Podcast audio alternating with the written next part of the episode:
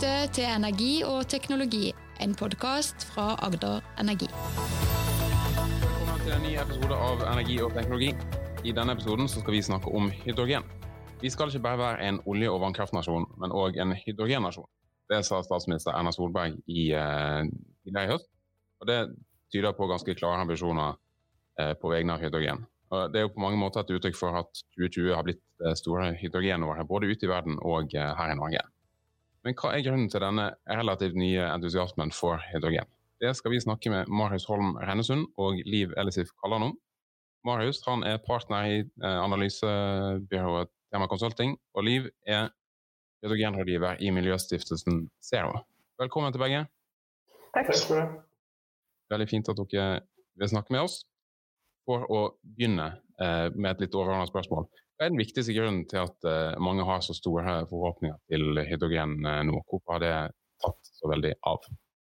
Jeg tror jo at For det første så har hydrogen alltid vært den nye teknologien som skal komme om 10-20 år.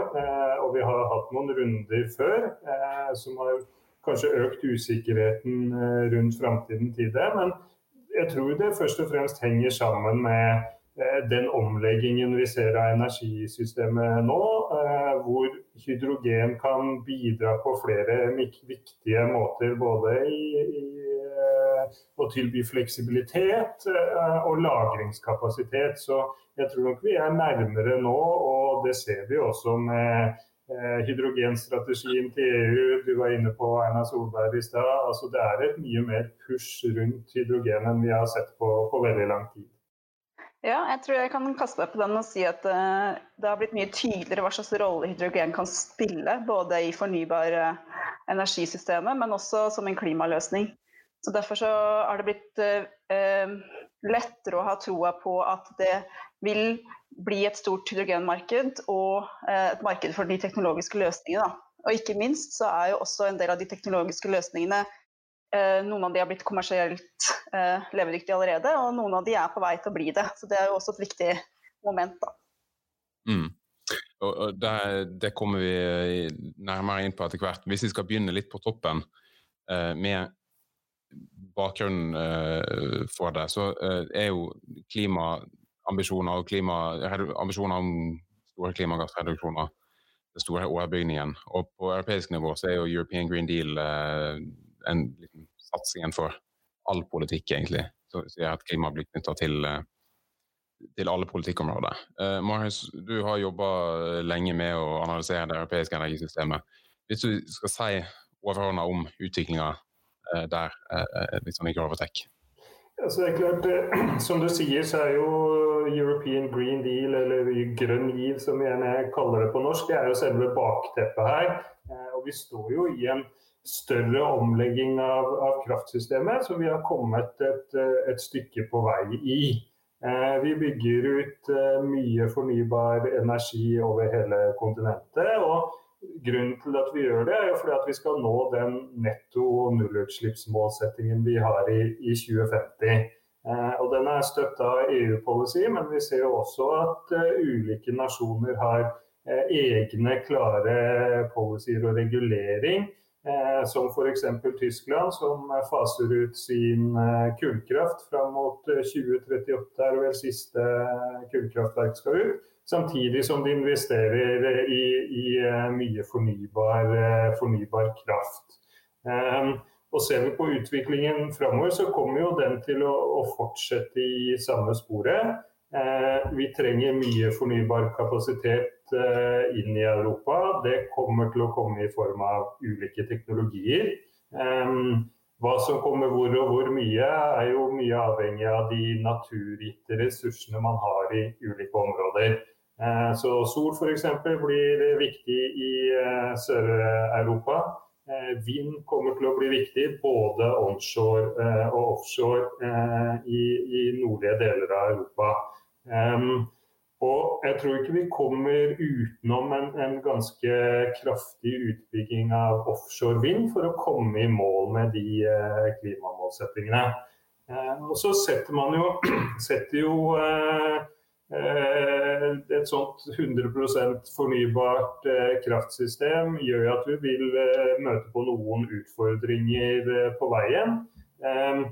Et av dem vil jo være at vi trenger noen former for fleksibilitet i dette markedet. I Norge og Norden så er vi veldig heldige og har masse ekstremt fleksibel vannkraftproduksjon som kan eh, skrus eh, relativt kostnadseffektivt opp og ned til hvordan eh, forbruket endrer seg. Mens på kontinentet så har man jo tradisjonelt gjort den reguleringen med, med termisk kraftproduksjon.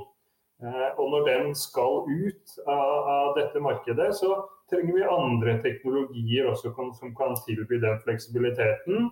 Eh, som kan eh, øke forbruket når vi eh, produserer veldig mye ny fornybar kraft. Høyere enn det vi trenger i tradisjonelt forbruk, så ikke noe av kraften går til spille. Og noe som også kan gi ekstra kraft inn i markedet i de periodene hvor, hvor fornybar produksjon ikke er høy nok til å dekke forbruket. Eh, og I en sånn sammenheng så, så, tror vi at hydrogen kan bli eh, en viktig bestanddel i, i dette markedet. For å, fordi det kan lagre store mengder energi over relativt lange tidsperioder. Eh, andre typer fleksibilitet som batterier f.eks. vil også være viktig, men for å ta de korte svingningene. Og så vil vi måtte se på større liksom, tradisjonell fleksibilitet i industrien osv. Men jeg tror ikke vi kommer unna hydrogen som en, en viktig bestanddel i et fornybart kraftsystem. Nei, og, og, og det, det, fornybare er jo på en måte grunnlaget her. og uh, litt For å ta litt om, om, skalaen på det en prøver å gjøre i, i Europa, så har jo f.eks. Det finnes mange forskjellige anslag, men Europakommisjonen har jo anslått at den trenger mellom 230 og 450 gigawatt uh, havvind innen 2050 for å nå eh, den målsetning om at eh, kraftsektoren, skal bli helt utslippsfri. Altså, hvis en skal prøve å sette det i en slags kontekst, eh, hva slags størrelse er det? Det, det er, krever en helt eh, ekstrem utbygging framover. Altså, vi skal 10-20-doble offshore vindkapasiteten vi ser i, i dag. Eh, så bare det sier jo litt. Og og ser vi det i forhold til installert kapasitet i, i norsk kraftproduksjon f.eks., så skal vi jo eh, opp i et volum som er ti ganger så høyt i, i offshore vind minst, eh, for, å nå, eh, for å nå klimamålsettingene. Eh, så det er klart det, det krever en, en, innsats eh, helt fra i dag av og, og videre framover. Så det er ganske store volumer vi snakker om. Mm. Og Hydrogenet blir jo aktuelt i den forbindelse at det det er vanskelig å få frakta den eh, energien som blir produsert til der den skal forbrukes. Uh, mm. Definitivt. og Det er på en måte det, den andre utfordringen, hovedutfordringen vi ser vi står overfor. Den første er behovet for fleksibilitet. Den andre er jo at eh, de gode havvindressursene er ikke helt likt fordelt rundt i Europa. Eh, for det første så må du ha en kyst, selvfølgelig. Eh, sånn at mye kommer til å bli, bli produsert i i, eh, i, nord, og så skal det transporteres eh, videre sørover.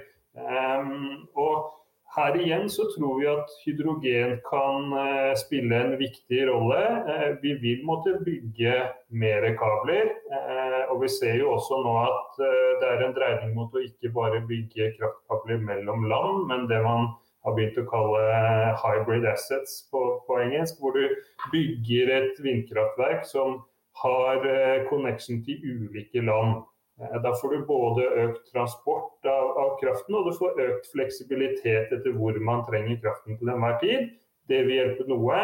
Eh, men hydrogen, å omdanne den fornybare kraften til hydrogen i, i, i nærområdet, når man, i de timene man ikke har behov for kraften selv, og så transportere den til kontinentale Europa, vil sørge for at man lettere kan møte den andre utfordringen, som er rett og slett få kraften fra der kraftproduksjonsressursene er best, til der konsumet er høyest.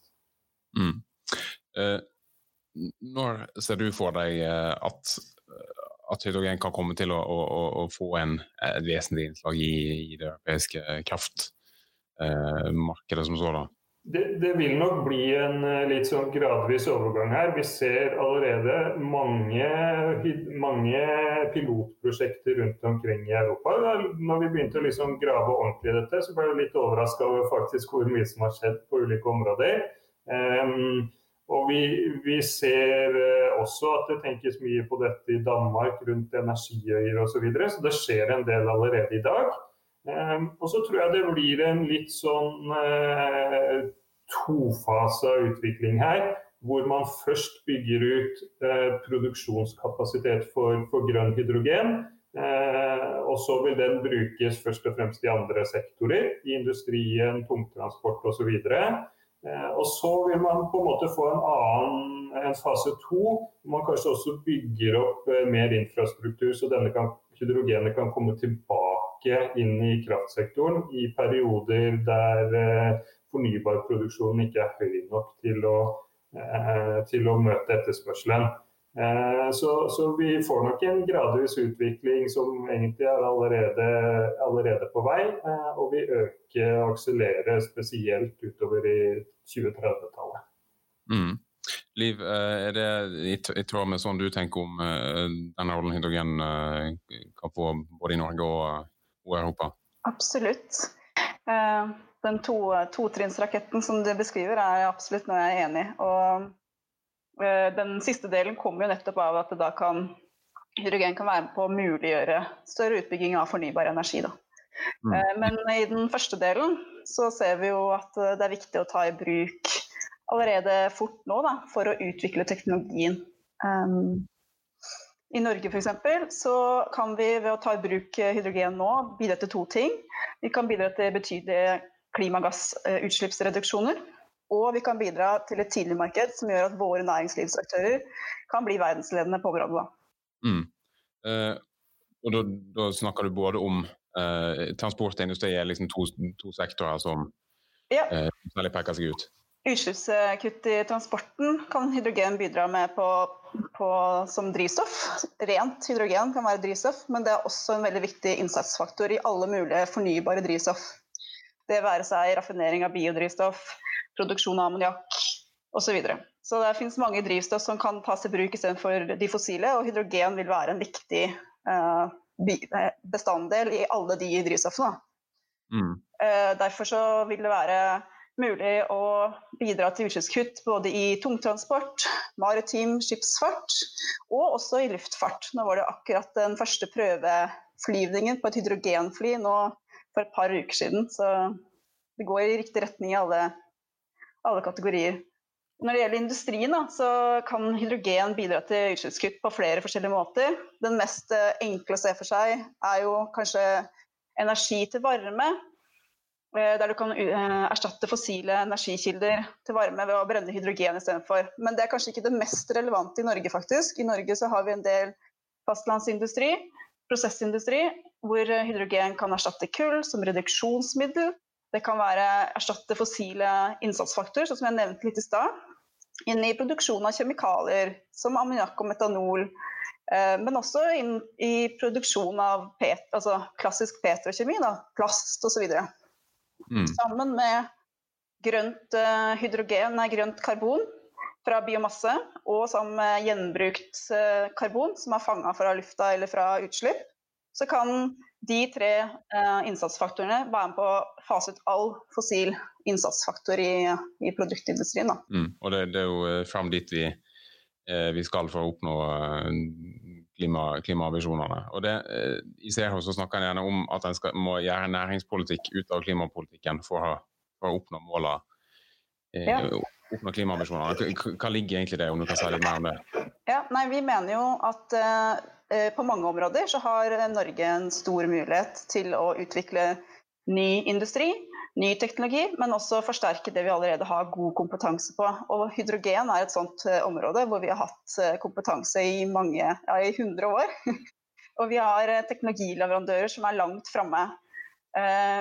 ved å kunne bidra til et tidlig marked for bruk av hydrogen, så kan vi også bidra til en arena hvor disse teknologileverandørene kan utvikle seg til å bli verdensledende og holde tritt med den konkurransen som foregår i de landene hvor det nå skyter fart. Det vil også bidra til vann på mølla for eh, eh, underleverandører som skal bidra til den teknologiindustrien. Eh, dette muliggjør at eh, vår, vårt næringsliv kan omstille seg det nye markedet, hvor man vil etterspørre mer klimavennlige løsninger og produkter, også innen industri.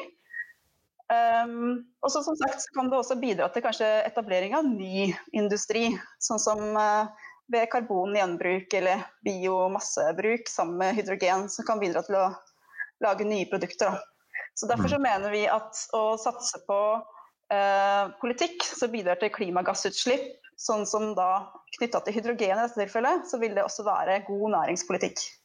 Mm. Uh der eh, kan det jo være mulig å lære av noe av eh, resten av verden, også her. Eh, for det er jo selvfølgelig ikke bare i Norge en, en jobber med hydrogen og er opptatt av det eh, for tida. Eh, for så har jo EU eh, lagt frem en hydrogenstrategi tidligere i år, og, og Tyskland har lagt frem en, en, en strategi der de setter av nær 100 milliarder kroner i, til, til satsing på grønn hydrogen. Um, helt åpenbart at Europa er et viktig marked for, for norske bedrifter og norsk næringsliv, som du snakker om. Um, hva, hva, ser dere at vi kan lære av, av de her tilnærmingene? Ja, hvis jeg skal starte, da, så vil jeg jo si at for det første så eh, har kanskje Norge allerede, eller de norske regjeringen da, og de norske politikerne allerede lært litt. Fordi det er viktig med et tydelig politisk signal i bånn på hvor vi skal og hvordan vi mener at vi skal oppnå det. Og det har jo vi sett nå i høst, at endelig så er både Arbeiderpartiet og Høyre ute og sier at eh, hydrogen, det skal vi satse på, for her har vi muligheter. Så, og det trengs i bånn, fordi at hvis virkemidlene vi skal ha for å, for å komme videre, nærmere bruk, nærmere produksjon, skal ha noen funksjon, så må vi også ha den politiske eh, tryggheten. Hvis ikke så gjør man det veldig vanskelig for næringslivet å investere og hente investorer for å komme seg videre. Da. Um, så Derfor så er det veldig viktig med en, en, et tydelig politisk signal i bånn. Og så er det jo veldig fint at man har i statsbudsjettet nå fokusert på utbygging av infrastruktur i bred forstand. Altså ikke bare fyllestasjoner til lastebiler f.eks., men altså hele nettverket av hydrogen, sånn at man kan bidra til å fasilitere eh, frakt av hydrogen der det trengs, fra der det produseres. Men uh, de 100 millionene som kom med det, er kanskje ikke helt uh, nok for å få en offensiv satsing også på brukersiden, teknologisiden, produksjonssiden. Så det kunne vi ønske at vi så litt mer uh, en, en samtidig satsing på alle de områdene for å komme fort nok i gang. Da. Mm. Veldig, veldig, enig i det. Jeg tror det er også viktig med, med tydelig politisk signal. Så er det viktig at, at, myndighetene tar på seg noe av den koordineringsrollen. Altså det er veldig mange ting her som skal skje samtidig. Eh, du skal få produksjonskapasitet, det er infrastruktur eh, for å transportere. Eh, og, og, du skal ta det i bruk i andre enden og samtidig brygge ut mye fornybar kraft og at dette liksom eh, kommer litt i, i, fase er viktig. og Der er det også en rolle for myndighetene. og Der tror jeg det er vel så viktig for norske aktører også egentlig det som skjer på EU-nivå og den strategien. For eh, mye av, den hydrogenen vi produserer her skal eh, konsumeres eh, andre steder i Europa. og Da er det viktig at, eh, at kapasitet og, og infrastruktur bygges opp der. Så det tar vekk noe av av usikkerheten som eh, nok en del av aktørene ser nå.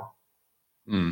Litt om, siden dere har nevnt både det grønt og blått hydrogen allerede, for, for de som ikke skulle kjenne til det, så er jo det de ulike